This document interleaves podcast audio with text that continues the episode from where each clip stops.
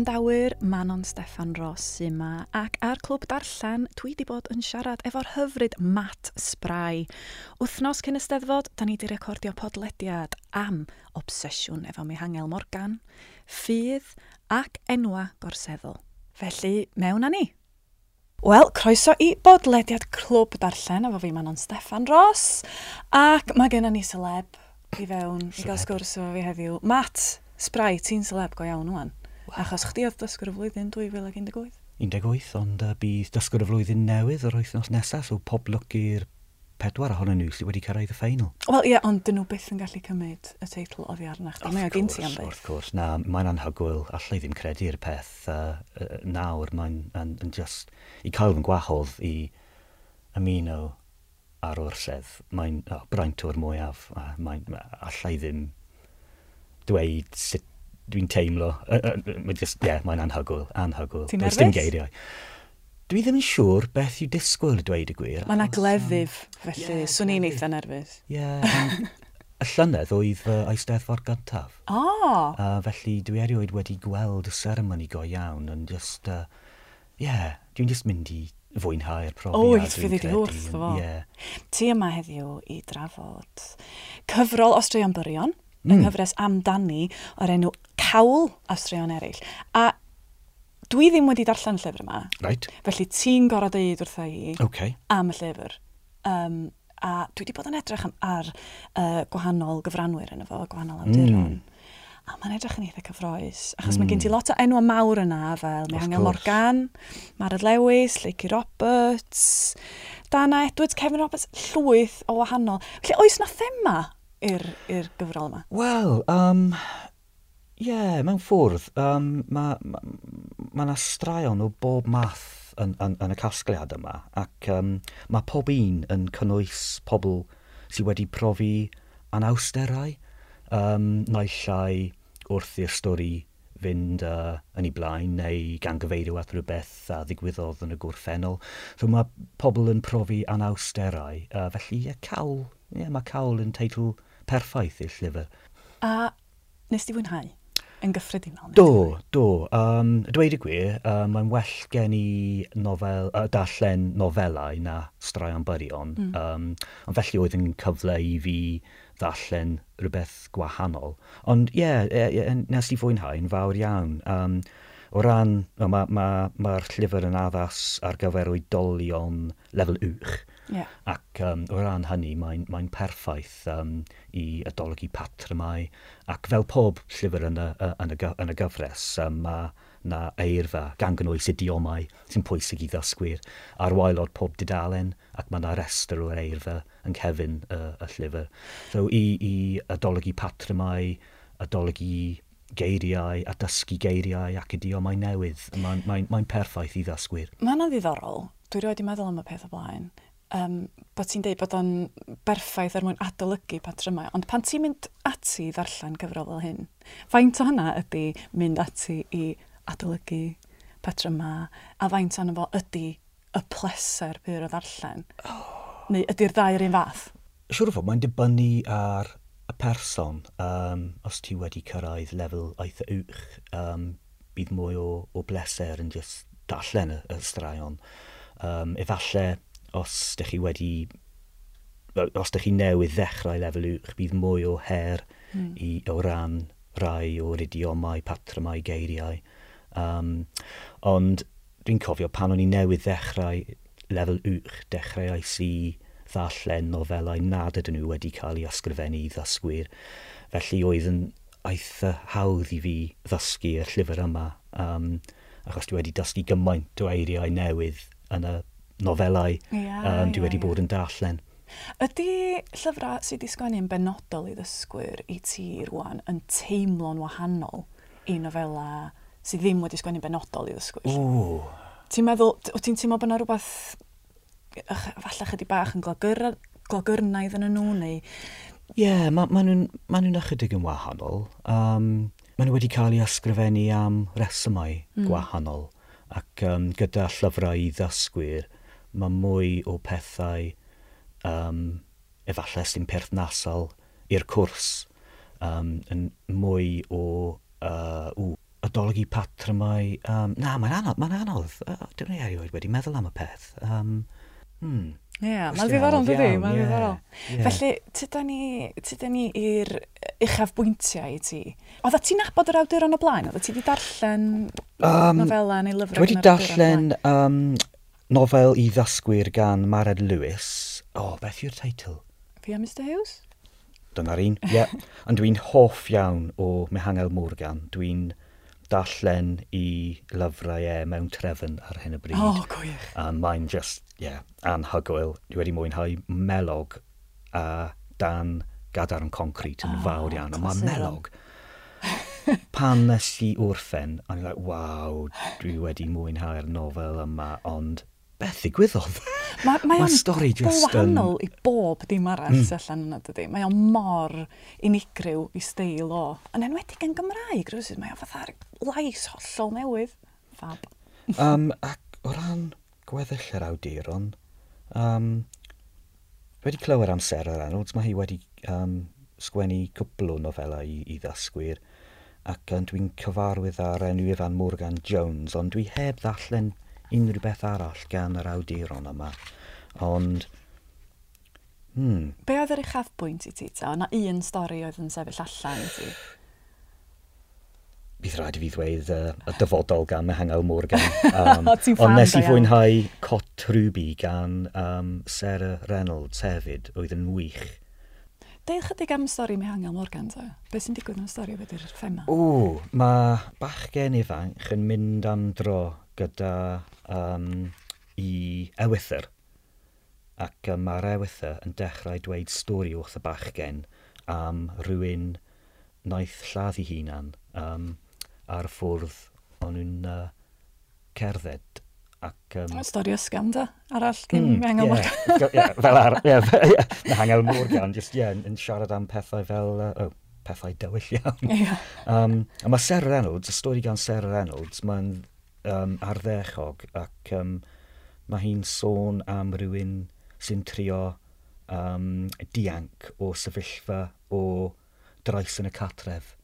Mae hi, um, mae hi'n llwyddo i, i newid i, i, i bywyd ac yn dianc o'r sefyllfa ofnadwy um, sy'n neges pwysig iawn. Ie, yeah. mm. mae'r ma, straeon nhw ti wedi ddewis yma yna'n swnio'n eitha trwm o ran, o ran themau. Oes na bethau sgafnach yn rhan o'r casgliad neu ydy o gyd yn eitha trwm? Mae rhan fwy fi, mae rhan fwy efo hon yn nhw yn eitha drwm y dweud y gwir. Um, Oedd na rhaid a, yeah, a ddim yn gweithio cweit gystal i ti o ran dy chwaith personol gyda hyn. Oedd na rhaid a chdi, o, oh, di hwnna ddim yn gweithio'n iawn. Ie, yeah, dwi'n hoffi um, nofelau tywyll, y dweud y gwir, ond uh, dwi'n dweud, ie, yeah, mae ma rhywbeth ofnadwy yn digwydd yn pob un ohonyn nhw, y dweud y gwir. Cymru, yeah. ti'n gweld? da ni licio pethau depressing. Hefyd, ma, mewn rai ohonyn nhw, mae um, stori am pobl sy'n gwneud pethau i helpu eraill. Mm. Um, er enghraifft cawl gan Mared Lewis, um, mae merch yn y stori yn um, penderfynu i wirfoddoli yn helpu pobl ddigatref. Right. Ond ar diwedd y stori, mae rhywbeth ofnadw yn digwydd i okay. un o'r person ddigatref. Felly uh, mae ychydig o obaith, ond pethau dywyll hefyd. Wyt ti'n meddwl bod o'n gyfrol fysa'n apelio at y rhan fwyaf o, o bobl? Mm, Neu os ti'n chwilio am rhywbeth ysgafan i ddarllen, efallai na. Yeah. Ond os ti'n mwynhau straeon gyda pethau anisgwyl yn digwydd, pethau anodd um, pobl yn trio ymdopi a sefyllfwydd anodd. Um, yeah, byddwch chi'n mwynhau, byddwch chi'n mwynhau. Ydy o'n lyfr ti'n meddwl fyddi wedi mynd yn ôl ato fo? Eto. A wyt ti'n yeah. tueddu ail ddarllen pethau? Um, nid fe'r arfer, ond ie, yeah, hoffwn, i, hoffwn i fynd yn ôl, um, achos hyd yma, just i, i, i fynd yn ôl at Mehangel Morgan, dim ond i nofelau dwi mm. wedi darllen.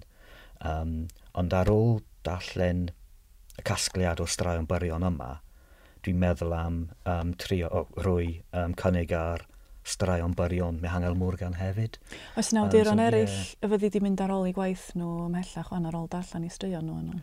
Um, yn Gymraeg, na, ond mae cwpl o awduron sy'n ysgrifennu yn Saesneg. Um, Dwi'n hoffi mynd yn ôl at ei lyfrau nhw. Okay. Um, Haruki Murakami yeah. um, o Japan yw un o fy hoff awduron. Ac um, wel, fel Mangel Morgan, mae nofelau e llawn pethau rhyfedd iawn. Ia, dyna sy'n wych yn bethau. Mae hangel Morgan, dydy, maen nhw mor waci a maen nhw'n neud rhyw synwyr perffaith hefyd, yn dydy. A maen deud, wastad yn deud rhyw wir, wirionedd mawr am bobl, dwi'n teimlo.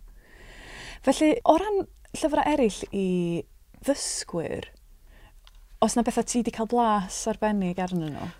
Neu wyt ti, os, os yeah. well gen ti bethau sydd ddim wedi cael ei sgwennu? Na, dechrau si, um, o ran nofelau Cymraeg, dechrau si um, darllen um, nofelau Lois Arnold a Bethan ah, Gwanas. Yeah, yeah. Um, ond fel o'n i'n dweud, o'n i'n newydd ddechrau lefel uwch yn dechrau oes i ddarllen nofelau um, sydd ddim wedi cael ei ysgrifennu i, i ddysgwyr.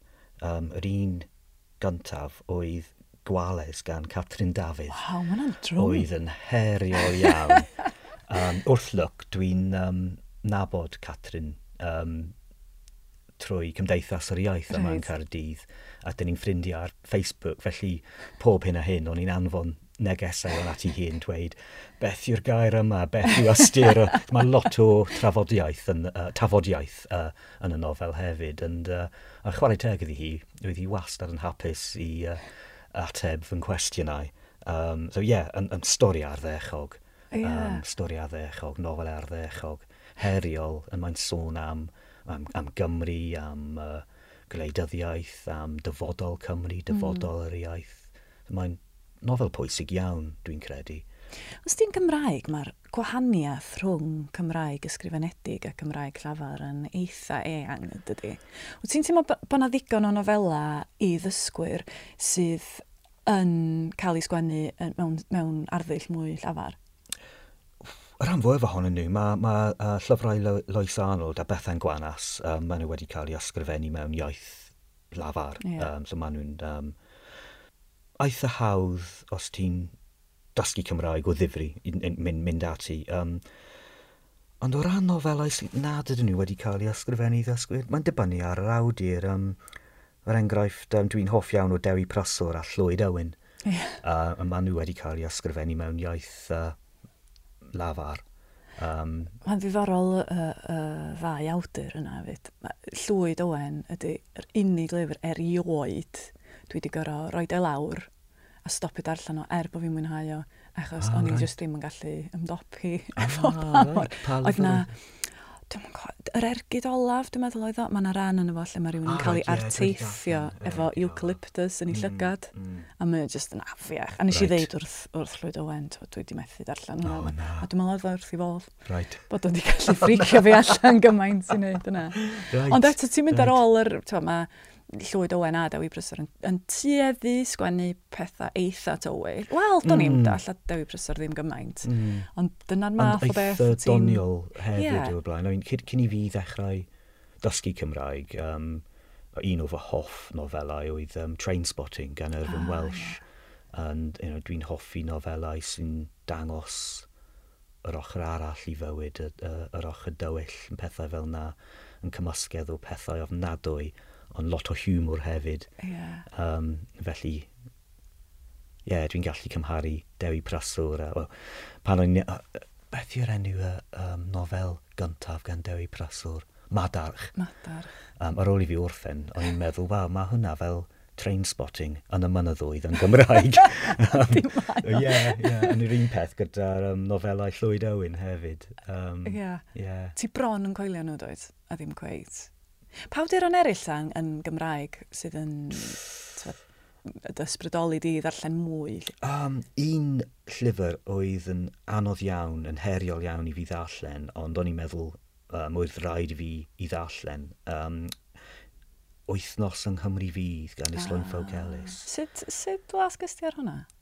Um, o'n i'n just siarad â tiwtor Cymraeg yn dwedodd rhywun um, um, mae'n you know, nofel pwysig o ran uh, sefyllfa y Gymraeg yn mm. mae'n sôn am y dyfodol, um, beth fydd dyfodol Cymru, beth fydd dyfodol yr iaith. Ac um, roedd hwnna'n heriol iawn i fi achos mae'r iaith yn aeth y ffurfiol, aeth y hen. So roedd rhaid i fi ddefnyddio'r geiriadur yn aml iawn wrth i fi um, ddallen y llyfr yna. Ond i fi fel dysgwr sydd wedi symud i Gymru o Loegr, yeah. oedd yn arddechog o ran dysgu mwy am pa mor bwysig yw hi i, i frwydro dros yr iaith y dweud y gwir yn meddwl am beth bydd rhaid i ni gyd yn neud i wneud yn siŵr bod dyfodol llywarchus i'r iaith. Yeah. Mae dy waith di yn ofnadwedd ddiddorol hefyd, y uh, ffaith bod ti'n dysgu Cymraeg i, i ffoaduriaid. Ac o'n i'n meddwl o ran, o ran dy swydd di, wyt ti'n teimlo bod na ddigon o lyfrau Cymraeg i'r bobl tîm i dysgu. Hynny ydy, wrth gwrs mm. dwi'n awdur llawn amser, mm. a dwi'n meddwl oes na nofela neu, ma, oes na ffiglen i bobl sydd o gemdi'r hollol, hollol wahanol. Ydan ni fel awduron yn tueddu sgwennu i bobl gwyn dosbarth ganol eisteddfodol. Mm. Dwi erioed wedi meddwl am hwnna, ond mae'n pwynt ar ddechog. na, lle ddim meddwl am unrhyw nofel i ddysgwyr Cymraeg bydd yn perthnasol i eu profiadau nhw. Ie. Yeah. Ie, yeah, ti'n iawn. Does o ddim yeah. lot o... Mm. Ysdi, a mae hyn fai anna i, achos i fod yn onast, cyn ymchwilio i fod yn siarad efo ti a gweld beth dy waith mm. di, ond on i rioed i meddwl am y peth, ond does na ddim lot o aml ddiwylliannef mewn nofela Cymraeg o gwbl, nag oes? Mm. Ie, yeah, pwynt da. Mae o'n job. Dyna fydd nesaf i fi nofel nesaf. yeah, stori am uh, ceisio lloches yn dod o rhywle, yn, yn, yn dod i Gymru a well, yeah. dechrau daith i, i ddysgu Cymraeg ac uh, ymuno ar gymuned Cymraeg. Wel, mae... Ma, ma um... Siŵr, bydd, bydd lot o pobl yn, yn hapus i gael sgwrs gyda ti well, am yeah. profiadau, yn enwedig Joseph y dyn o arfodydd i fori sy'n rigol yn yeah. y Gymraeg ar ôl blwyddyn a hanner. Yn just gofyn iddyn nhw am syniadau o ran beth fydd yn gwneud nofel da ar gyfer ffoaduriaid sy'n dod i Gymru ac yn dechrau dysgu Cymraeg. Yeah. Mm. Mae'n ma, allan bwynt hefyd i gael mwy o bobl sydd ddim o gefndir um, Cymraegaeth gynta. Um, ysdi, i, i, i sgwennu'n Gymraeg hefyd. I gael gwahanol leisiau, gwahanol mm. brofiadau. Um, Sa'n gret. Ie, yeah, bydd yn hyfryd. Nofel i ddysgwyr gan ffoadur, ffoadur yn seiliedig ar profiadau, yeah. ceiswyr lloches, a perthynas i ddysgwyr eraill. Yeah, a perth perthynas nhw efo'r mm. Gymraeg ynddo. Bydd yn cyfle i ddysgwyr eraill dysgu mwy am uh, profiadau ffoaduriaid hefyd. Ie, yeah, bydd. Yeah. Awn ni nôl, achos y ti'n dod o rola, dwi rioed i clywed enw'r lle yma wedi cael ei ddeud fel hyn o blaen. Aber Plym. Aber Plym. Plymouth yn nawr llewn Lloegr. Enw mor hyfryd Wel, o'n i'n o'n i'n chwilio am enw Cymraeg am y ddinas um, cwpl o flynyddoedd yn ôl. Ond um, do'n i ddim yn gallu dod o hyd i, i enw, so o'n i'n just dechrau meddwl i fi fy hun, wel mae afon o'r enw Plym mae'r afon yn ymuno a'r mori, felly Aberplym. Felly chdi sydd wedi bathu hwnna? Ar ôl blwyddyn, um, dywedodd rhywun sy'n dod o Gernw yeah. bod nhw'n defnyddio yr un enw yn Cernweg. Oh, Aberplym. Oh, Hyfryd. Hapus iawn, dwi wedi sylwi bod... Oh, um, S4C, BBC Cymru, um, Golwg, maen nhw wedi dechrau defnyddio Aberplyn. dwi'n teimlo, dwi'n hapus iawn. yeah. Dwi'n teimlo fel dwi wedi ychwanegu rhywbeth at yr iaith. Dwi wedi ychwanegu enw cyfa at yr iaith Gymraeg. Gwych o beth. Sym rhyfedd bod chdi'n mynd ar yr orsedd. Really. Sdim rhyfedd bod ti'n mynd ar yr orsedd. Wow, braintw'n mwyaf, braintwr mwyaf. Dwi wedi dewis, um, well, dwi wedi newid Matthew i Math, yeah. cyfeiriad um, yn y Mabinogi yeah. a Aberplym. So math Aberplym. Hyfryd. Ti yn swnio fel cymeriad o'r Mabinogi. o, gwych. Diolch yn fawr. Felly, yn ôl i dy, i dy blentyndod di yn Aberplym, um, be oedd, be di atgofio'n cynhara di o ddarllen? Achos ti'n darllen o'r brwd iawn yn dweud? O, oh, um, yeah, dwi wastad wedi mwynhau darllen. Dwi'n cofio darllen The Hobbit yn yr ysgol gynradd. O, oh, mam bach um, neu darnau o'r Hobbit, ond um, yeah, dwi wasta wedi mwynhau darllen. Um, dwi ddim wedi astudio unrhyw beth fel llenyddiaeth Saesneg neu unrhyw beth fel na. Um, ond just darllen am pleser a dweud y gwir. Yeah. Yeah. Ti'n meddwl allai bod o'n bod o'n rhan y, y ffaith bod ti ddim wedi astudio yn y ffordd yna, bod o'n rhan o'r pleser. Achos weithiau, os ti'n astudio rhywbeth, yeah, mae'n tynnu'r pleser yeah, Dwi'n gallu dewis beth dwi eisiau darllen. Um, dwi erioed wedi cael fy ngwrfodi i ddarllen rhywbeth ac wedi ysgrifennu traethawd yeah. ar y peth. Felly, ie, yeah, siŵr o fod. Yeah. Os dwi'n rhoi y cwestiwn anodd iawn, iawn, iawn, iawn, oh, no. iawn i ti, dy hoff lyfr erioed, unrhyw iaith. cwestiwn Anodd iawn, iawn Dwi'n gwybod bydd yr ateb yn wahanol bob dydd, mae'n siŵr bydd. Bob dydd. Ond heddiw, beth sy'n dewis? Heddiw, heddiw. Dwi ddim yn dweud hyn achos dwi'n sgwrsio gyda ti, ond rhaid i fi ddweud llyfr glas nebo. Yes! Mae'n anhygwyl, anhygwyl. Diolch i ti. Um, Mae'n rhaid ta'n ar eich wedyn. Dwi wedi clywed a gymaint o pobl sydd wedi dweud, just waw, waw, mae'n anhygwyl. Heiddi anol iawn o ran um, y gwobrau ti wedi ennill ar gyfer y nofel. O'n i'n sgwyl yr ateb ah. yna. Dim dyna pam nes i ofyn y cwestiwn. Gymaint ohonyn nhw, gymaint ohonyn nhw. Fysa ti'n gorau dewis un um, sydd yn deud rhywbeth i ni am dy gefndir di ta? So, llyfr sydd yn arwyddocael yn dorffennol di rhywsyd. Rwy'n dweud y gwir, llyfr yn Gymraeg sydd wedi cael dylanwad enfawr arna i yw y Beibl. Darllen ah. y Beibl yn Gymraeg. Um, Cristion ydw i, dwi ddim yn Cristion da iawn, dwi dal i smygu, dwi'n rhegu gwrmod, ond dwi ddim yn mynd i'r eglwys yn ddigon aml, ond um, dechreuais i ddarllen BabelNet, um, cyfieithiad uh, oeth newydd um, yeah. mewn iaith um, lafar syml iawn. Mm. Ond dwi, mae darllen y Beibl yn Gymraeg wedi crifhau fy ffydd, ond... On mae'n mae ddiddorol iawn, achos dwi ddim yn siŵr, um, dwi'n darllen y Beibl mewn iaith aeth y newydd i fi, mm. um, felly ydw i'n canolbwyntio mwy, neu mewn iaith wahanol, efallai dych chi'n cysyniadu mewn cysyniadu mewn ffwrdd gwahanol, ond mae darllen y Beibl yn Gymraeg, mae weithiau fel darllen y Beibl am y tro gyntaf, neu yeah. trwy lygaid newydd. Ond hefyd, mae'n ffwrdd dda i uh, ddysgu geirfa newydd, um, adolygu patrymau ac yn y blaen. Yeah. Ond mae'n Ie, yeah, mae'n ddiddorol iawn. Mae'n mae ddiddorol mae iawn. Dwi, dwi wedi cael y drafodaeth yma blaen, dwi'n siŵr, o um, achos bod ni'n lwcus iawn yn Gymraeg, mae'r Beibl yn swnio mor glws, yn dydy, mae'n mm. ffordd ddonol iawn. Mm. Ond i mm. fi, mae Iesu Grist yn berson gwahanol i Jesus Christ. Mae yna rhyw right. wahaniaeth. Diddorol iawn. Um, tod, mm. hollol wel, enfawr yna rhwng mm. y, y cymeriadau yna. Mm. A hefyd, Cytuno. um, os ti'n edrych ar bethau fel cyfieithiad um, the meek shall inherit the earth, ond yn Gymraeg mae o'n um, gwneud beth yr rhai addfwyn. Mm. Ac i fi, mm. di meek a addfwyn ddim cweit rhyw fath. A wedyn ti'n dod i fewn i'r holl busnes yma, dydy cyfieithiad byth cweit yn gweithio, a mae hynna'n hyfryd. Ie, ie, ie. So mae, mae, mae, mae, mae, mae wedi bod yn ddiddorol iawn achos just y, y ffordd dwi'n meddwl am pethau yn meddwl am pethau yn y Beibl ond uh, yeah, ond uh, pan dwi'n uh, teimlo yn ddewr, dwi'n mynd ar-lein i edrych ar Beibl William Morgan. Waw, mae hwnna'n anodd iawn, anodd iawn.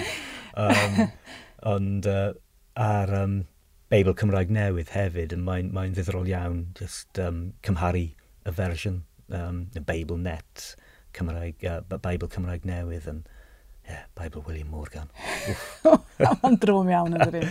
Ond eto mor hyfryd. Mm, yeah, hyfryd iawn, hyfryd iawn. Wel, Matt, mae wedi bod yn bleser o'r mwyaf. Diolch yn fawr iawn. A pob hwyl yn y steddfod. Diolch. Dwi'n edrych ymlaen i weld chdi'n gwisgo dy gynfasa. A, a pob hwyl efo'r antur darllen, ynda? Diolch yn fawr. Nesau ti. A diolch yn fawr iawn i ti am uh, dylyfrau di o'r llyfr glas nebo. Ond dwi wedi mwynhau blasu hefyd. Diolch yn fawr. Ond uh, yeah, bydd rhaid i fi ddallen uh, mwy ohonyn nhw nawr. O, byd, mae arnau beint neu chwech i chdi am ddeud yr holl beth a ffeind yma. Diolch yn fawr. Problem. Diolch yn fawr iawn. Diolch. Diolch.